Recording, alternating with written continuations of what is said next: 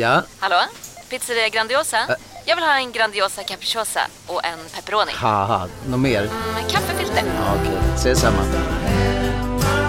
Grandiosa, hela Sveriges hempizza. Den med mycket på. Välkommen till Unionen. Jo, jag undrar hur många semesterdagar jag har som projektanställd och vad gör jag om jag inte får något semestertillägg? Påverkar det inkomstförsäkringen? För jag har blivit varslad, till skillnad från min kollega som ofta kör härskarteknik på möten och dessutom har högre lön trots samma tjänst. Vad gör jag nu? Okej, vi tar det från början. Jobbigt på jobbet. Som medlem i Unionen kan du alltid prata med våra rådgivare. CSRD. Ännu en förkortning som väcker känslor hos företagare. Men lugn, våra rådgivare här på PWC har koll på det som din verksamhet berörs av. Från hållbarhetslösningar och nya regelverk till affärsutveckling och ansvarsfulla AI-strategier. Välkommen till PWC.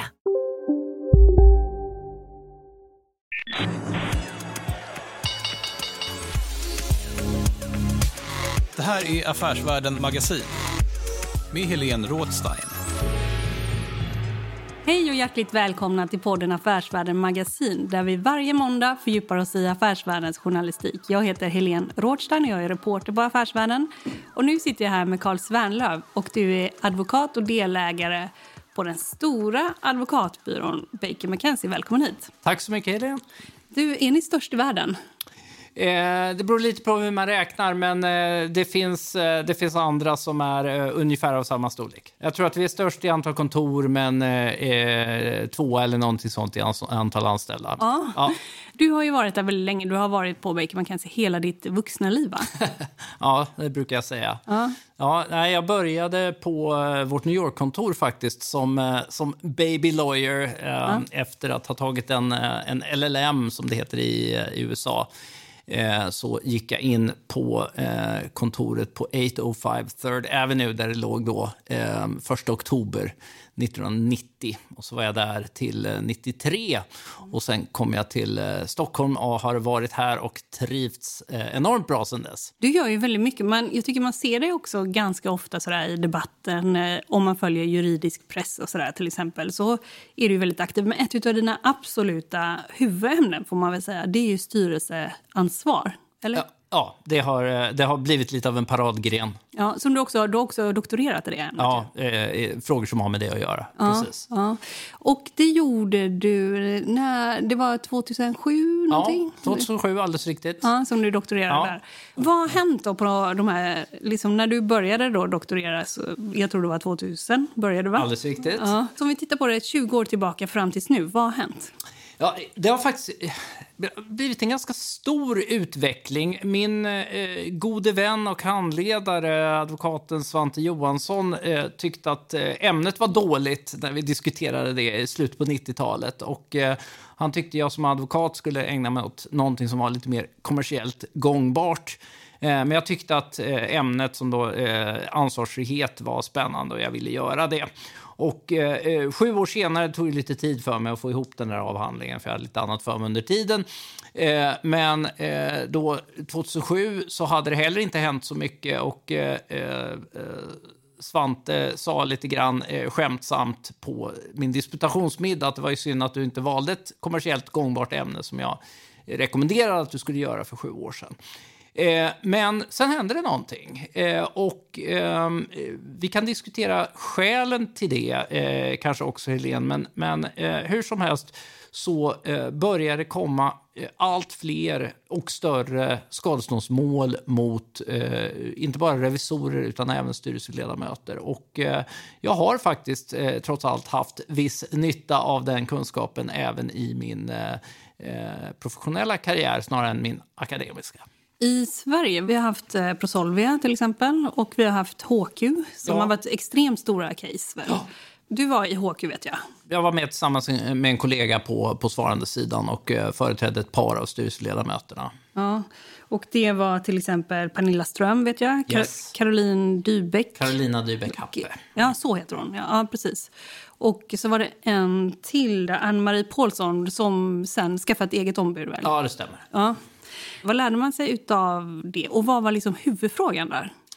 Ja, huvudfrågan var ju om eh, styrelseledamöterna på ett vårdslöst sätt hade eh, förorsakat den skada som drabbade bolaget direkt och aktieägarna indirekt då, i och med att banken gick omkull. Eh, och eh, ur, ett, eh, ur ett rättsligt perspektiv får vi säga, därför att eh, rent, rent praktiskt orsakades ju skadan av att Finansinspektionen något överilat, kan man tycka, drog tillståndet eh, eh, under augusti semestermånad när styrelsen bestämdes för att, att snabbavveckla den här tradingportföljen. 2010. sen blev det då ett väldigt långt rättsligt efterspel där HQAB, som då inte hade gått i konkurs än, som eh, ville ha ersättning av styrelseledamöterna för den här skadan. Och eh, vad lärde vi oss av det? Jo, eh, den HQ-målet bekräftade väl i och för sig den eh, Eh, den allmänna princip om att eh, det är och ska vara svårt att hålla styrelseledamöter ansvariga för Eh, eh fel och brister som eh, uppstår i tjänsteutövningen eller i, i bolaget. Därför att eh, är det, är det alldeles för lätt att hålla styrelseledamöter ansvariga, då kommer ingen att vilja sitta i svenska styrelser. Men eh, om vi tittar på det då lite sådär aggregerat, om man ser på flera case. Man åker inte dit så ofta, va? Och, eh, även om folk kommer med riktiga skadeståndsanspråk så många styrelseledamöter klarar sig, eller? Det har du alldeles rätt i, Helene. Och, eh, man kan egentligen skönja två stycken huvudanledningar till varför den här typen av skadeståndsprocesser eh, misslyckas. Och, eh, den första anledningen är det som juristerna kallar för adekvans. Det vill säga att skadan ska ha ett, en, en relevant följd av den skadevållande handlingen. Och eh, flera av de här riktigt stora skadeståndsmålen har faktiskt stupat just på adekvansen. Eh, alltså du ska kunna förstå att om, om jag gör så här, att det finns nästan en direkt eh, liksom, orsak det. Det en direkt orsak och den orsaken ska ha varit förutsägbar. Eh, så att om jag drämmer en yxa i bordet här där vi sitter i, i studion. Så, det vågar du aldrig. det skulle jag aldrig våga göra. Nej. Så är det liksom en, det är en, en adekvat följd av den handlingen är att det blir ett jack i eh, bordet och att eh, du avbryter eh, eh podden och att jag inte eh, kommer att intervjuas här mer någon gång. Kanske hade ringt polisen. kanske till och med. Ja. Men så att eh, skadan på bordet, det är en, en skadevållande handling som jag i princip då blir skyldig att ersätta. Men om det samtidigt går förbi någon utanför eh, studion som har svagt hjärta och eh, som får en hjärtattack av den här plötsliga smällen så blir jag inte skyldig att ersätta eh, den skadan eftersom det var inte en rimligt förutsägbar följd av att jag drog en yxa i bordet här inne i studion.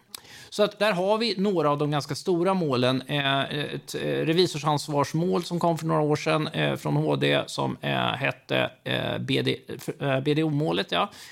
Eh, och eh, vi har också, eh, även HQ-målet stupade faktiskt på adekvans.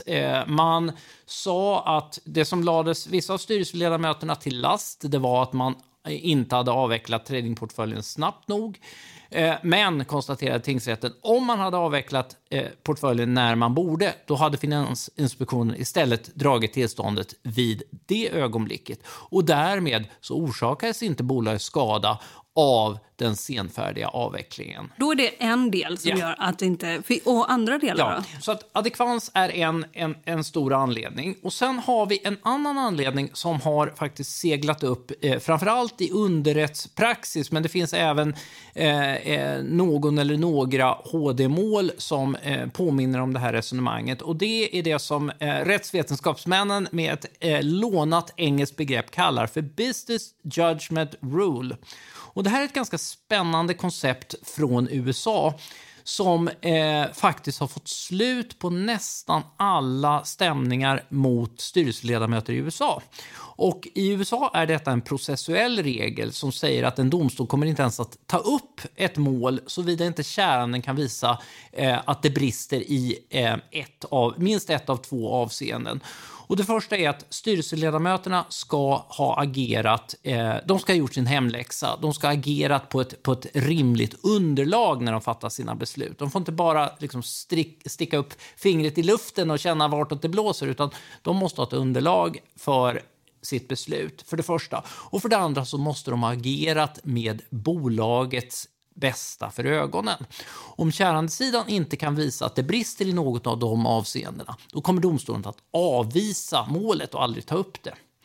I Sverige har vi givetvis ingen sån processuell regel, men eh, man känner igen från som sagt ett antal av de här domarna som är avgjorda i tingsrätt och hovrätt framför allt, men även några HD-domar känner man igen ett liknande resonemang där man konstaterar eh, att en styrelse satt i en svår sits.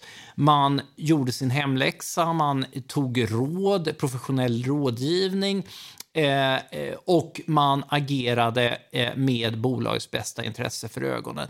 Då blir man inte skadeståndsansvarig för taskiga eh, affärsmässiga beslut som senare har visat sig inte vara så bra. Men alltså att man ska inte tänka att Eh, jag vågar inte agera här för att jag kan riskera att åka på liksom, skadeståndsansvars... Eh, eh, ja, du ska liksom agera helt bortanför den risken, så att säga. Ja, och, och, och det har ju med att göra att all affärsverksamhet bygger på att ta risk. Och om du inte premierar den risken, eller rättare sagt om du eh, lägger en artificiell eh, spärr på risktagande, då minskar du möjligheten för bolagen att göra bra affärer. Och därför så säger Business Judgment Rule att det är okej okay att ta eh, eh, risk, men den risken måste vara eh, kalkylerad och beräknad och hela tiden ha bolagets bästa intresse för ögonen. Den måste vara underbyggd? Den måste vara underbyggd. Ja, okej. Okay. För då har vi då två delar. Dels är det då adekvans och sen så är det det som heter business judge, judgment rule. Ja. ja. Och, och och om man då tittar på de eh, 25-30 mål som avgjorts under de senaste 20 åren inom det här området så hamnar de allra flesta antingen eh, i eh, att målet ogillas på grund av adekvans eller målet ogillas på grund av något resonemang som påminner om business judgment rule. Och i bara tre fall som jag har eh, hittat i mina studier på senare år så har eh, styrelsen blivit ansvarig. Jag bortser från, eh, från Prosolvia-målet där eh, revisorerna dömdes till ansvar eh, på helt felaktiga grunder. Det var feldömt, det är de flesta överens om. Men när det gäller just styrelseansvarsmål så har vi tre stycken mål där eh, man har utdömt ansvar. Och det som är lite spännande med dem är att de har en sak gemensamt och det är illojalitet. Styrelsen har agerat illojalt, antingen mot bolaget eller mot minoritetsaktieägare. Och då, i de fallen, så har styrelsen blivit ansvariga. För att då har man inte gjort sitt bästa för bolaget och agerat med bolagets bästa intresse eh, för ögonen, utan då har man agerat eh, i eget intresse eller i någon annans intresse. Mm, Okej. Okay. Vilka case är det? Ah, det är tre stycken. Eh, ett ett NJA 2000, sidan 404, Swedwing, där styrelsen i ett flygbolag tröttnade på minoriteten, bildade ett nytt flygbolag och överlät tillgångarna till det flygbolaget utan att minoriteten fick någon ersättning för det. Eh, och sen ett par underrättsfall. Eh, ett som hette eh, Manuskriptbolaget där vd och eh, styrelseledamot i princip stal bolagets eh, varulager. Och sen ett innovationsbolag som, eh, som ägdes till en majoritet av ett tyskt moderbolag som tröttnade på att vattna i pengar utan att uppfinningen gick någonstans och beordrade eh, av moderbolaget tillsatta styrelseledamöter att överlåta eh, bolagets patentansökningar som hade ett visst värde till den tyska modern till bokfört värde, vilket ledde till att bolaget gick i konkurs. Och då stämde aktieägarminoriteten de styrelseledamöterna och i och med att de hade agerat illojalt genom att gynna sin tyska uppdragsgivare snarare än bolaget och eh, alla aktieägares intresse så blev de dömda att betala den, den eh, värdeminskning som minoritetsägarna hade fått vidkännas. Men jag tycker det här är ganska också intressant. Du säger det är väldigt få som fälls. Det är väldigt få. Ja, väldigt få. Knappt någon. Och att det någonstans är att det hade, liksom, man hade lagt en våt filt till exempel mm. över företagande och hur det är att bedriva företagande, bland annat då, som har satt stopp för det i USA. Ändå så ser vi ju att det är många fler styrelseledamöter som ställs till svars i rättsliga processer. Hur kommer det sig? Ja, det där kan man faktiskt ha olika teorier om. Min egen teori det är att eh, den här ökningen i skadeståndsansvarsmål gentemot framförallt styrelseledamöter har att göra med eh, ett, eh, en bredare acceptans och ett bredare intåg av styrelseansvarsförsäkring på den svenska marknaden. Och Det här sammanfaller med globaliseringen och att vi har fått in flera utländska styrelseledamöter som är vana vid styrelseansvarsförsäkring från sina hemländer, eh, där traditionellt det har varit större risk att bli stämd eh, för sin styrelseansvar. Äh, vad kallar det? DNO? DNO-försäkring ja. heter det på engelska, Directors ja. and Officers Insurance. Eh, och... Eh, i och med att eh, försäkring har blivit mer allmänt tillgängligt så har man också skapat en situation där inte bara revisorerna som av tradition har haft stor försäkring men även styrelseledamöterna har fått, eh, med ett översatt engelskt begrepp, fått djupa fickor och därför blir intressant att ge sig på. Det finns alltså pengar att hämta ur en försäkring snarare än att eh, försöka mäta ut någons villa i Täby. Man går inte på helt enkelt bara en fysisk person utan liksom man kan tänka att man, det är ändå försäkringsbolagen som, som riskerar att få en smäll här. Ja, precis. Ja. Men så borde det ju vara om man tittar då på så stora mål som om vi tar HQ eller Prosolvia eller nåt sånt där. De, de, de har inte varit drivna av det eller? Eh, det finns ofta, ofta när man driver den här typen av mål så finns det en försäkring i botten. Som i bästa fall täcker någon form av skadeståndsansvar eh, om och när det väl utdöms. Men som framför allt eh, innebär att styrelseledamöterna kan eh, försvara sig på ett rimligt sätt. Och det är en väldig skillnad. Jag har sett båda, båda fallen där styrelseledamöter har haft en bra DNO-försäkring och när de, in, när de har varit tvungna att betala för sina ombud ur egna fickor med osäkert om de kommer att få betalt från motsidan eller inte. Och det är en väldig skillnad i hur mycket man så att säga kan ta i från försvarets sida om man har en, en bra försäkring i botten eller, eller om man ska stå för fiolerna själv. Så att därför så, jag är lite kluven till, till styrelseansvarsförsäkring för att å ena sidan så blir man en, en, större måltavla om man har försäkring. Men hur får man reda på att någon har? Ja, det, det vet man inte Nej. för att det är ju ingenting som man, eh, som man flaggar för eh, helst. Om man blir större måltavla? Man blir en större måltavla samtidigt som man, har man ett bättre skydd om man blir stämd. Så att eh, on the balance så tycker jag ändå att det är bättre att ha en försäkring än att inte ha det. Och det är väl alla möjliga försäkringsbolag som har det här? Ja, det är en, det är en vanlig produkt. Och, och till och med i eh, bostadsrättsförsäkring eh, nu för tiden har ju ett, ett inslag av styrelseansvarsförsäkring, de allra flesta. Har du suttit i någon styrelse? Ja, jag, jag eh, har varit ordförande i min bostadsrättsförening sen i princip jag flyttade till huset. Marknaden sponsras av SPP, pensionsbolaget. Eh, förra gången pratade vi lite om ITP och som en kort repetition så, så var det ju 70-tal, arbetsmarknadens parter bestämde att alla tjänstemän ska ha en tjänstepension. Man kom överens om vilka villkor som ska gälla i den här pensionen och så kallade man den för ITP. Så jobbar man idag som tjänsteman i ett företag med kollektivavtal, då har man förmodligen den här pensionen, ITP-pensionen. Eh, och det är ju så att man kan påverka eh, den här pensionen, hur den är placerad. Vart femte år så gör nämligen Collectum, som de heter, en enorm upphandling där olika pensionsbolag kan ansöka om att få förvalta eh, de här pensionerna. Och SPP är ett av bolagen som valdes ut i den senaste upphandlingen. Och sen kan du som pensionssparare välja vilket av de här olika pensionsbolagen som, som då ska få ta hand om dina pengar. Och tanken med den här upphandlingen är ju att liksom kvalitetssäkra de här olika alternativen eh, men också att förhandla fram stora rabatter så att pensionsspararna ska få ja, kunna spara pengar genom att avgifterna eh, som är så viktiga eh, blir eh, lägre. Och vill man välja någonting i ITP-systemet då finns det en relativt ny sajt som heter avtalat.se. Ehm, där kan man gå in och se hur sin ITP-pension är placerad. Jag gjorde det häromdagen faktiskt. Ehm, idén är att hälften av pengarna alltid ligger i något som kallas för traditionell försäkring. Det här gjorde vi ett avsnitt om i podden Kapitalet nyligen eh, som vi kallade världens bästa sparform. kan man lyssna på om man är intresserad.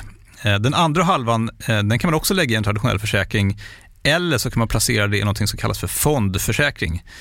Eh, SPP som sagt eh, var ju ett av de fåtal bolagen som valdes ut i den senaste upphandlingen och de finns med som alternativ både med en traditionell försäkring och med eh, fonder. Så det var en liten bakgrund till ITP-systemet. Vill man läsa mer om det här eller typ kolla hur ITP-pensionen är placerad, eh, kanske göra förändringar, då går man in på avtalat.se. Eh, men tack säger jag till SPP som vill göra oss människor mer medvetna om hur enormt viktig pensionen är för oss som en framtida lön, men också som en positiv kraft i samhället. Eh, och förstås för att ni möjliggör eh, den här podden Marknaden. Du lyssnar på Affärsvärlden Magasin med Helene Rådstein. Ni är ju en global affärsjuridisk advokatbyrå, glömde vi ju säga tidigare. Mm. Och eh, det som man har sett nu här, jag tänkte vi skulle prata lite om de ma affärer som man har sett och som ni är involverade i. Mm. Som journalist så får man ju massa pressmeddelanden och bland annat då från er. Ofta är det liksom att man har varit rådgivare i en affär och sådär. Och ni är ju en av de byråerna som är väldigt aktiva får man ju säga. Eh, det som man såg 2020 det var ju en global minskning av ma affärerna till följd av pandemin. Men samtidigt så såg vi en ökning av ma aktiviteten i Sverige. Hur kommer det sig? Ja, eh, men det är alldeles riktigt. Och, eh, eh, vi fick lite statistik här om veckan och, och eh, enligt den då så medan eh, nedgången under 2020 var eh, beroende lite på hur man räknar, kring 5% i eh, volym och antal transaktioner så var trenden i Sverige faktiskt den motsatta. Och eh, det, eh, antalet svenska transaktioner ökade då under 2020 med 15% och värdet med affärerna steg med hela 23% till över 500 miljarder kronor. Så att ja, det har varit en, en, en ökning i Sverige. Och vad beror det på? Ja, det, man kan spekulera mycket kring det där, men eh, jag tror att att eh, samma ekonomiska fundamenta som har drivit transaktioner tidigare eh, finns fortfarande kvar på den svenska marknaden. Vi har låga räntor, det är billigt att låna pengar och vi har eh, många riskkapitalbolag med välfyllda kassor som driver den här utvecklingen. Så man kan tänka sig att eh, om vi blickar lite framåt, hur ser ma aktiviteten ut nu skulle du säga? Nej, men jag, jag tror att den är fortsatt, eh, kommer att vara fortsatt stark. Vi håller på att få till eh, coronavaccinet eh, och eh, det är ju en tidsfråga egentligen eh, tills, tills man har fått till tillräckligt många vaccinationer för att, för att samhället mer eller mindre ska kunna gå tillbaka till det normala. Och eh, det, finns, eh, det finns som sagt gott på, om kapital på marknaden. Ekonomin är trots allt fortfarande ganska stark. Så att eh, jag tror att, eh, att trenden kommer att fortsätta.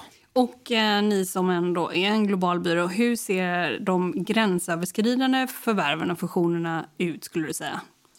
Eh, nej, men det, det är eh, även de gränsöverskridande eh, transaktionerna har ju också ökat. Eh, förra året var de upp eh, 13 procent eh, eh i, eh, i antal med en samlad värdeökning på 23 procent faktiskt.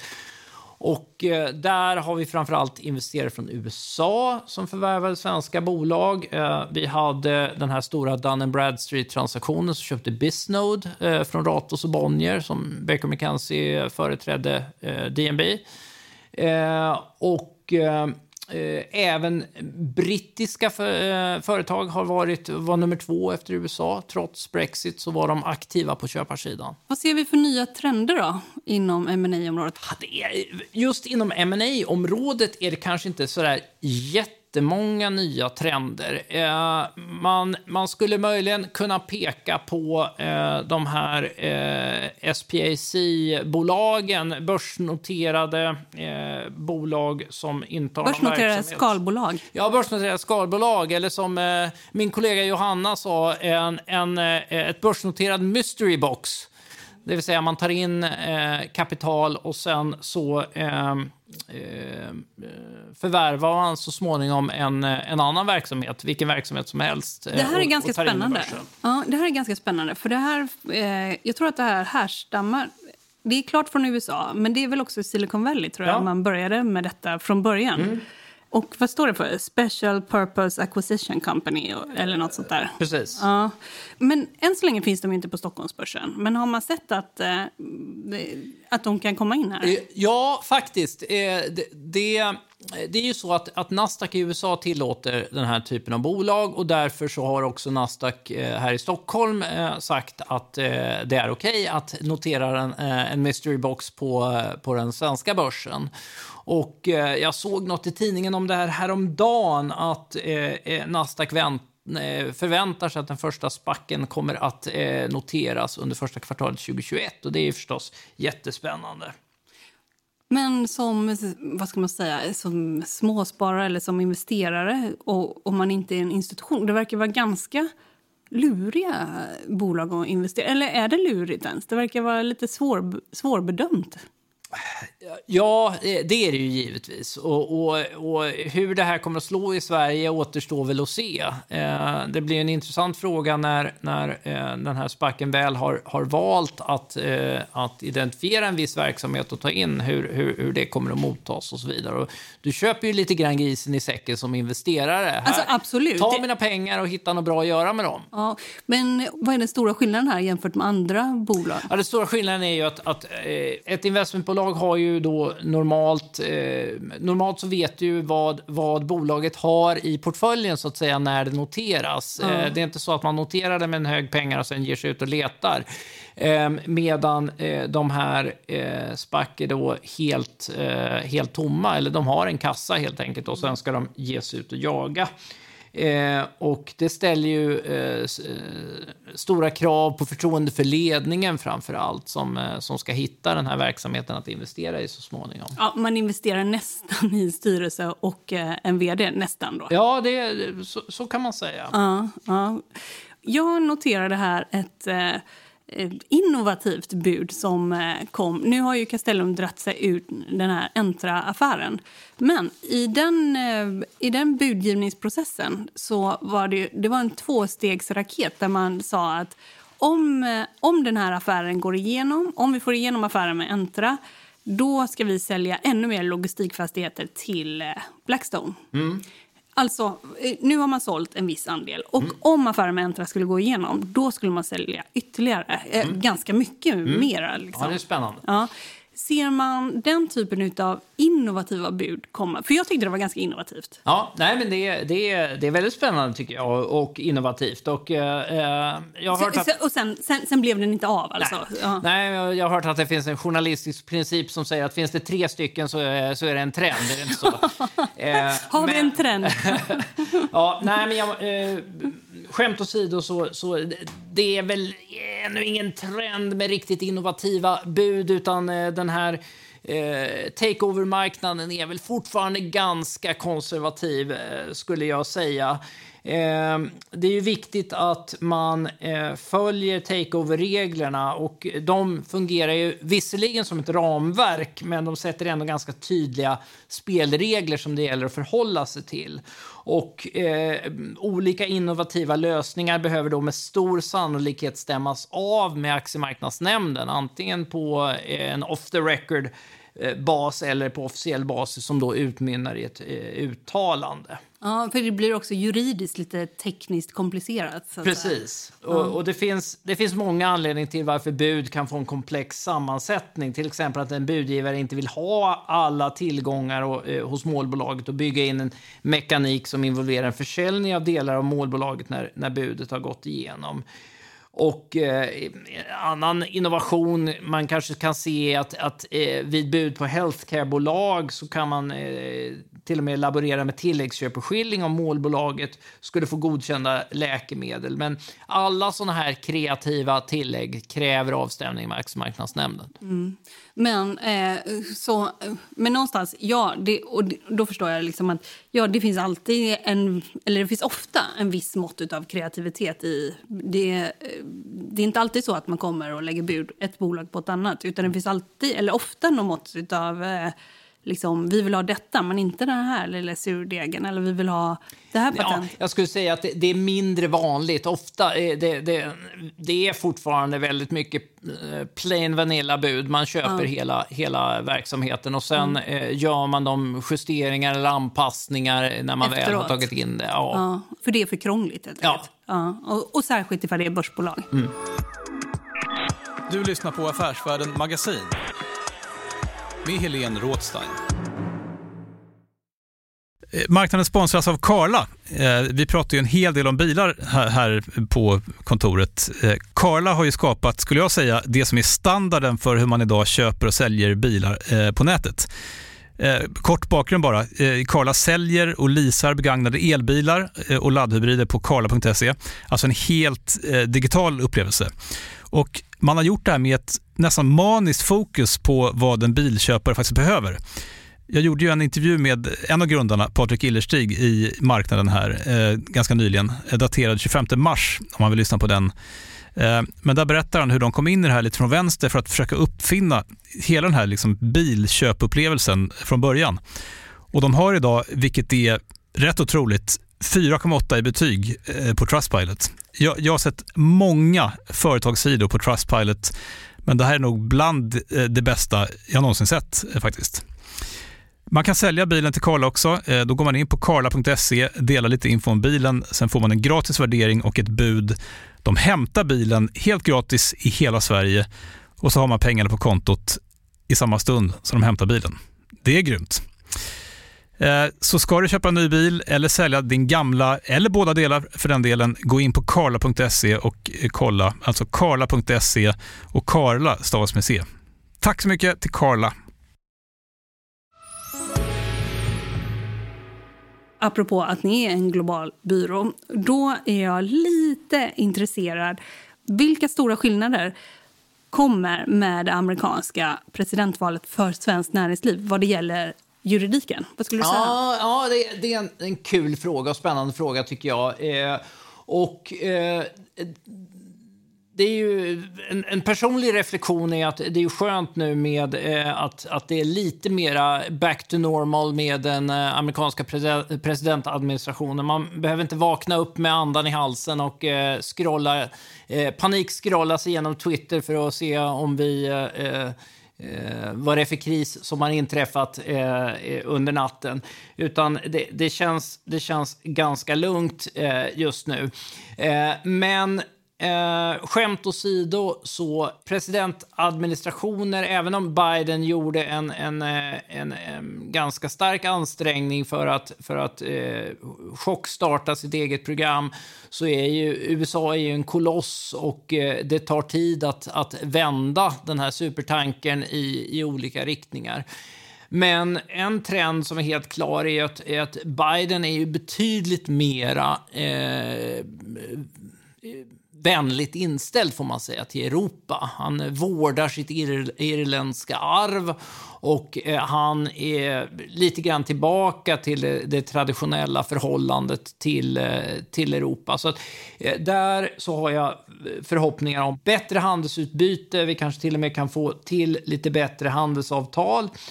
Jag tror också att, och det här har mindre med Biden att göra än med, med den enorma styrkan i den amerikanska ekonomin, att när, när, den amerikanska ekonomin börjar återhämta sig, vilket den gör, man, man vaccinerar ju en och en halv miljoner personer om dagen i USA. Och hade vi den vaccinationstakten i Sverige så skulle vi vara klara på under en vecka. Eh, så den amerikanska ekonomin kommer att återhämta sig och den kommer att återhämta sig starkt. Och när den gör det så kommer dollarn att stärkas. Eh, kronan försvagas i förhållande till dollarn och det kommer att underlätta för de svenska exportföretagen att sälja mera grejer till USA. Om den här takten då på vaccineringen också håller i sig, men det är inget som pekar ja, mot Förr eller senare så blir man ju klara. Eh, sen, sen har vi några andra områden man kan titta på. Eh, protektionism, där har det ju varit eh, som eh, flera andra områden lite upp, eh, upp och nervända världen i eh, de senaste fyra åren. Eh, traditionellt så är ju republikanerna frihandelsvänliga. Eh, demokraterna är mindre frihandelsvänliga. Men eh, eh, USA har ju varit väldigt protektionistiskt under eh, Trump. Eh, nu förväntar vi oss att eh, det kommer att bli en, en liten lättnad. Eh, de här, eh, kanske de här strafftullarna kommer att tas bort. Men vi, det kommer inte bli en jättestor eh, eh, frihandelsvåg från USA utan, utan Eh, eh Eh, där kan vi nog inte vänta oss jättemånga förändringar. Vad skulle du säga och att USA kommer gå tillbaka till Parisavtalet? Vad, vad kan det innebära för svensk eh, exportindustri? Ja, vi har ju en hel del eh, grön industri. Sverige ligger ju långt fram på det området. Så att, eh, så att en, eh, återgången till Parisavtalet eh, kombinerat då med en starkare dollar eh, kanske leder till att vi får sälja mera gröna produkter till, eh, till USA, mer grön teknik till USA. En annan sak som eh, faktiskt jag fördjupar mig några gånger det var ju de amerikanska sanktionerna Mm. som eh, riktades mot till exempel ryska oligarker Mm. och det fick eh, konsekvenser för Kubal i Sundsvall ganska snabbt och sådär. Eh, aluminiumindustrin överlag kan man säga. Eh, kan man vänta oss ett lugnare tempo med sanktionerna framöver eller är det liksom ett instrument, ett politiskt instrument som är här för att stanna skulle du säga? Ja, eh, jag skulle definitivt säga det senare. Eh, sanktioner har ju använts av USA som ett handelspolitiskt instrument under lång tid. Det är inte bara Trump. Och, eh, eh Trump var ju notoriskt senfärdig med att sanktionera Ryssland. Det var ju något med Ryssland som, eh, som gjorde att Trump aldrig kritiserade eh, Putin och eh, eh, slow-walked alla former av sanktioner som, som eh, han- han blev ålagd att ta fram. Eh, och, och just när det gäller Ryssland så tror jag att vi kommer att få se en skärpning av, eh, av sanktionerna. Och, eh, Biden har ju redan eh, signalerat eh, till Ryssland att nu är det slut på sötebrödsdagarna. Så där kommer det nog inte se en eh, förändring utan de sanktionerna kommer kvar bli in till dess att Ryssland rättar in sig i ledet och blir lite mer, en lite bättre granne så att säga. Skulle du säga att det som politiskt instrument, liksom vi kommer få se det eh, på fler håll i världen, mer och mer? Svårt att säga. Eh, USA kommer att fortsätta tillämpa det eh, och eh, det är väl möjligt att, att eh, andra länder kommer att eh, försöka tillämpa sanktioner. Men det är ju framförallt eh, USAs stora ekonomiska styrka och handels eh, ställning i den internationella handeln som gör att, att USAs sanktioner är kännbara. Som jag har förstått det så är det också för att det är också en sanktion mot att handla i dollar. Det är därför Ja. det får sån effekt liksom Ja. på några minuter bara. Ja, Inför Rysslands eh, handelssanktioner så är det liksom ingen som bryr sig. Men, Nej, eh, nej. men eh, USAs handelssanktioner måste man ju förhålla sig till. Ja, och liksom minut ett Ja. ungefär. Ja. Och med det här amerikanska skiftet, finns det någonting på det svenska advokatkontoret här som rör eh, det amerikanska presidentskiftet som ni sitter med just nu, som liksom globalt och nationellt får vi- konsekvenser? Vi, vi, eh, vi, vi jobbar ju eh, konstant mycket med eh, på handels och exportsidan. Och där, där kommer det hända en hel del och vi har eh, fullt upp att hjälpa svenska och internationella företag att navigera de här förändringarna som det amerikanska presidentskiftet innebär. Och ett exempel på det är relationen mellan USA och Kina som nu kommer att eh, förändras, även om det troligen sker långsamt. Min eh, kollega eh, Anders Fast eh, var intervjuad i Dagens Industri om relationen med Kina och han tror att, att eh, från att ha varit på en ganska låg nivå på senare år så kommer antalet kinesiska direktinvesteringar i Sverige att öka igen. Ja, det är intressant. Ja, är, det bra, tycker ni? Ja, all handel är väl bra. All handel är bra. Jag säger tack till dig, Carl Svärnlöf. Tack så mycket. Du har lyssnat på podden Affärsvärlden Magasin som varje måndag fördjupar sig i affärsvärldens journalistik och andra intressanta frågor i näringslivet.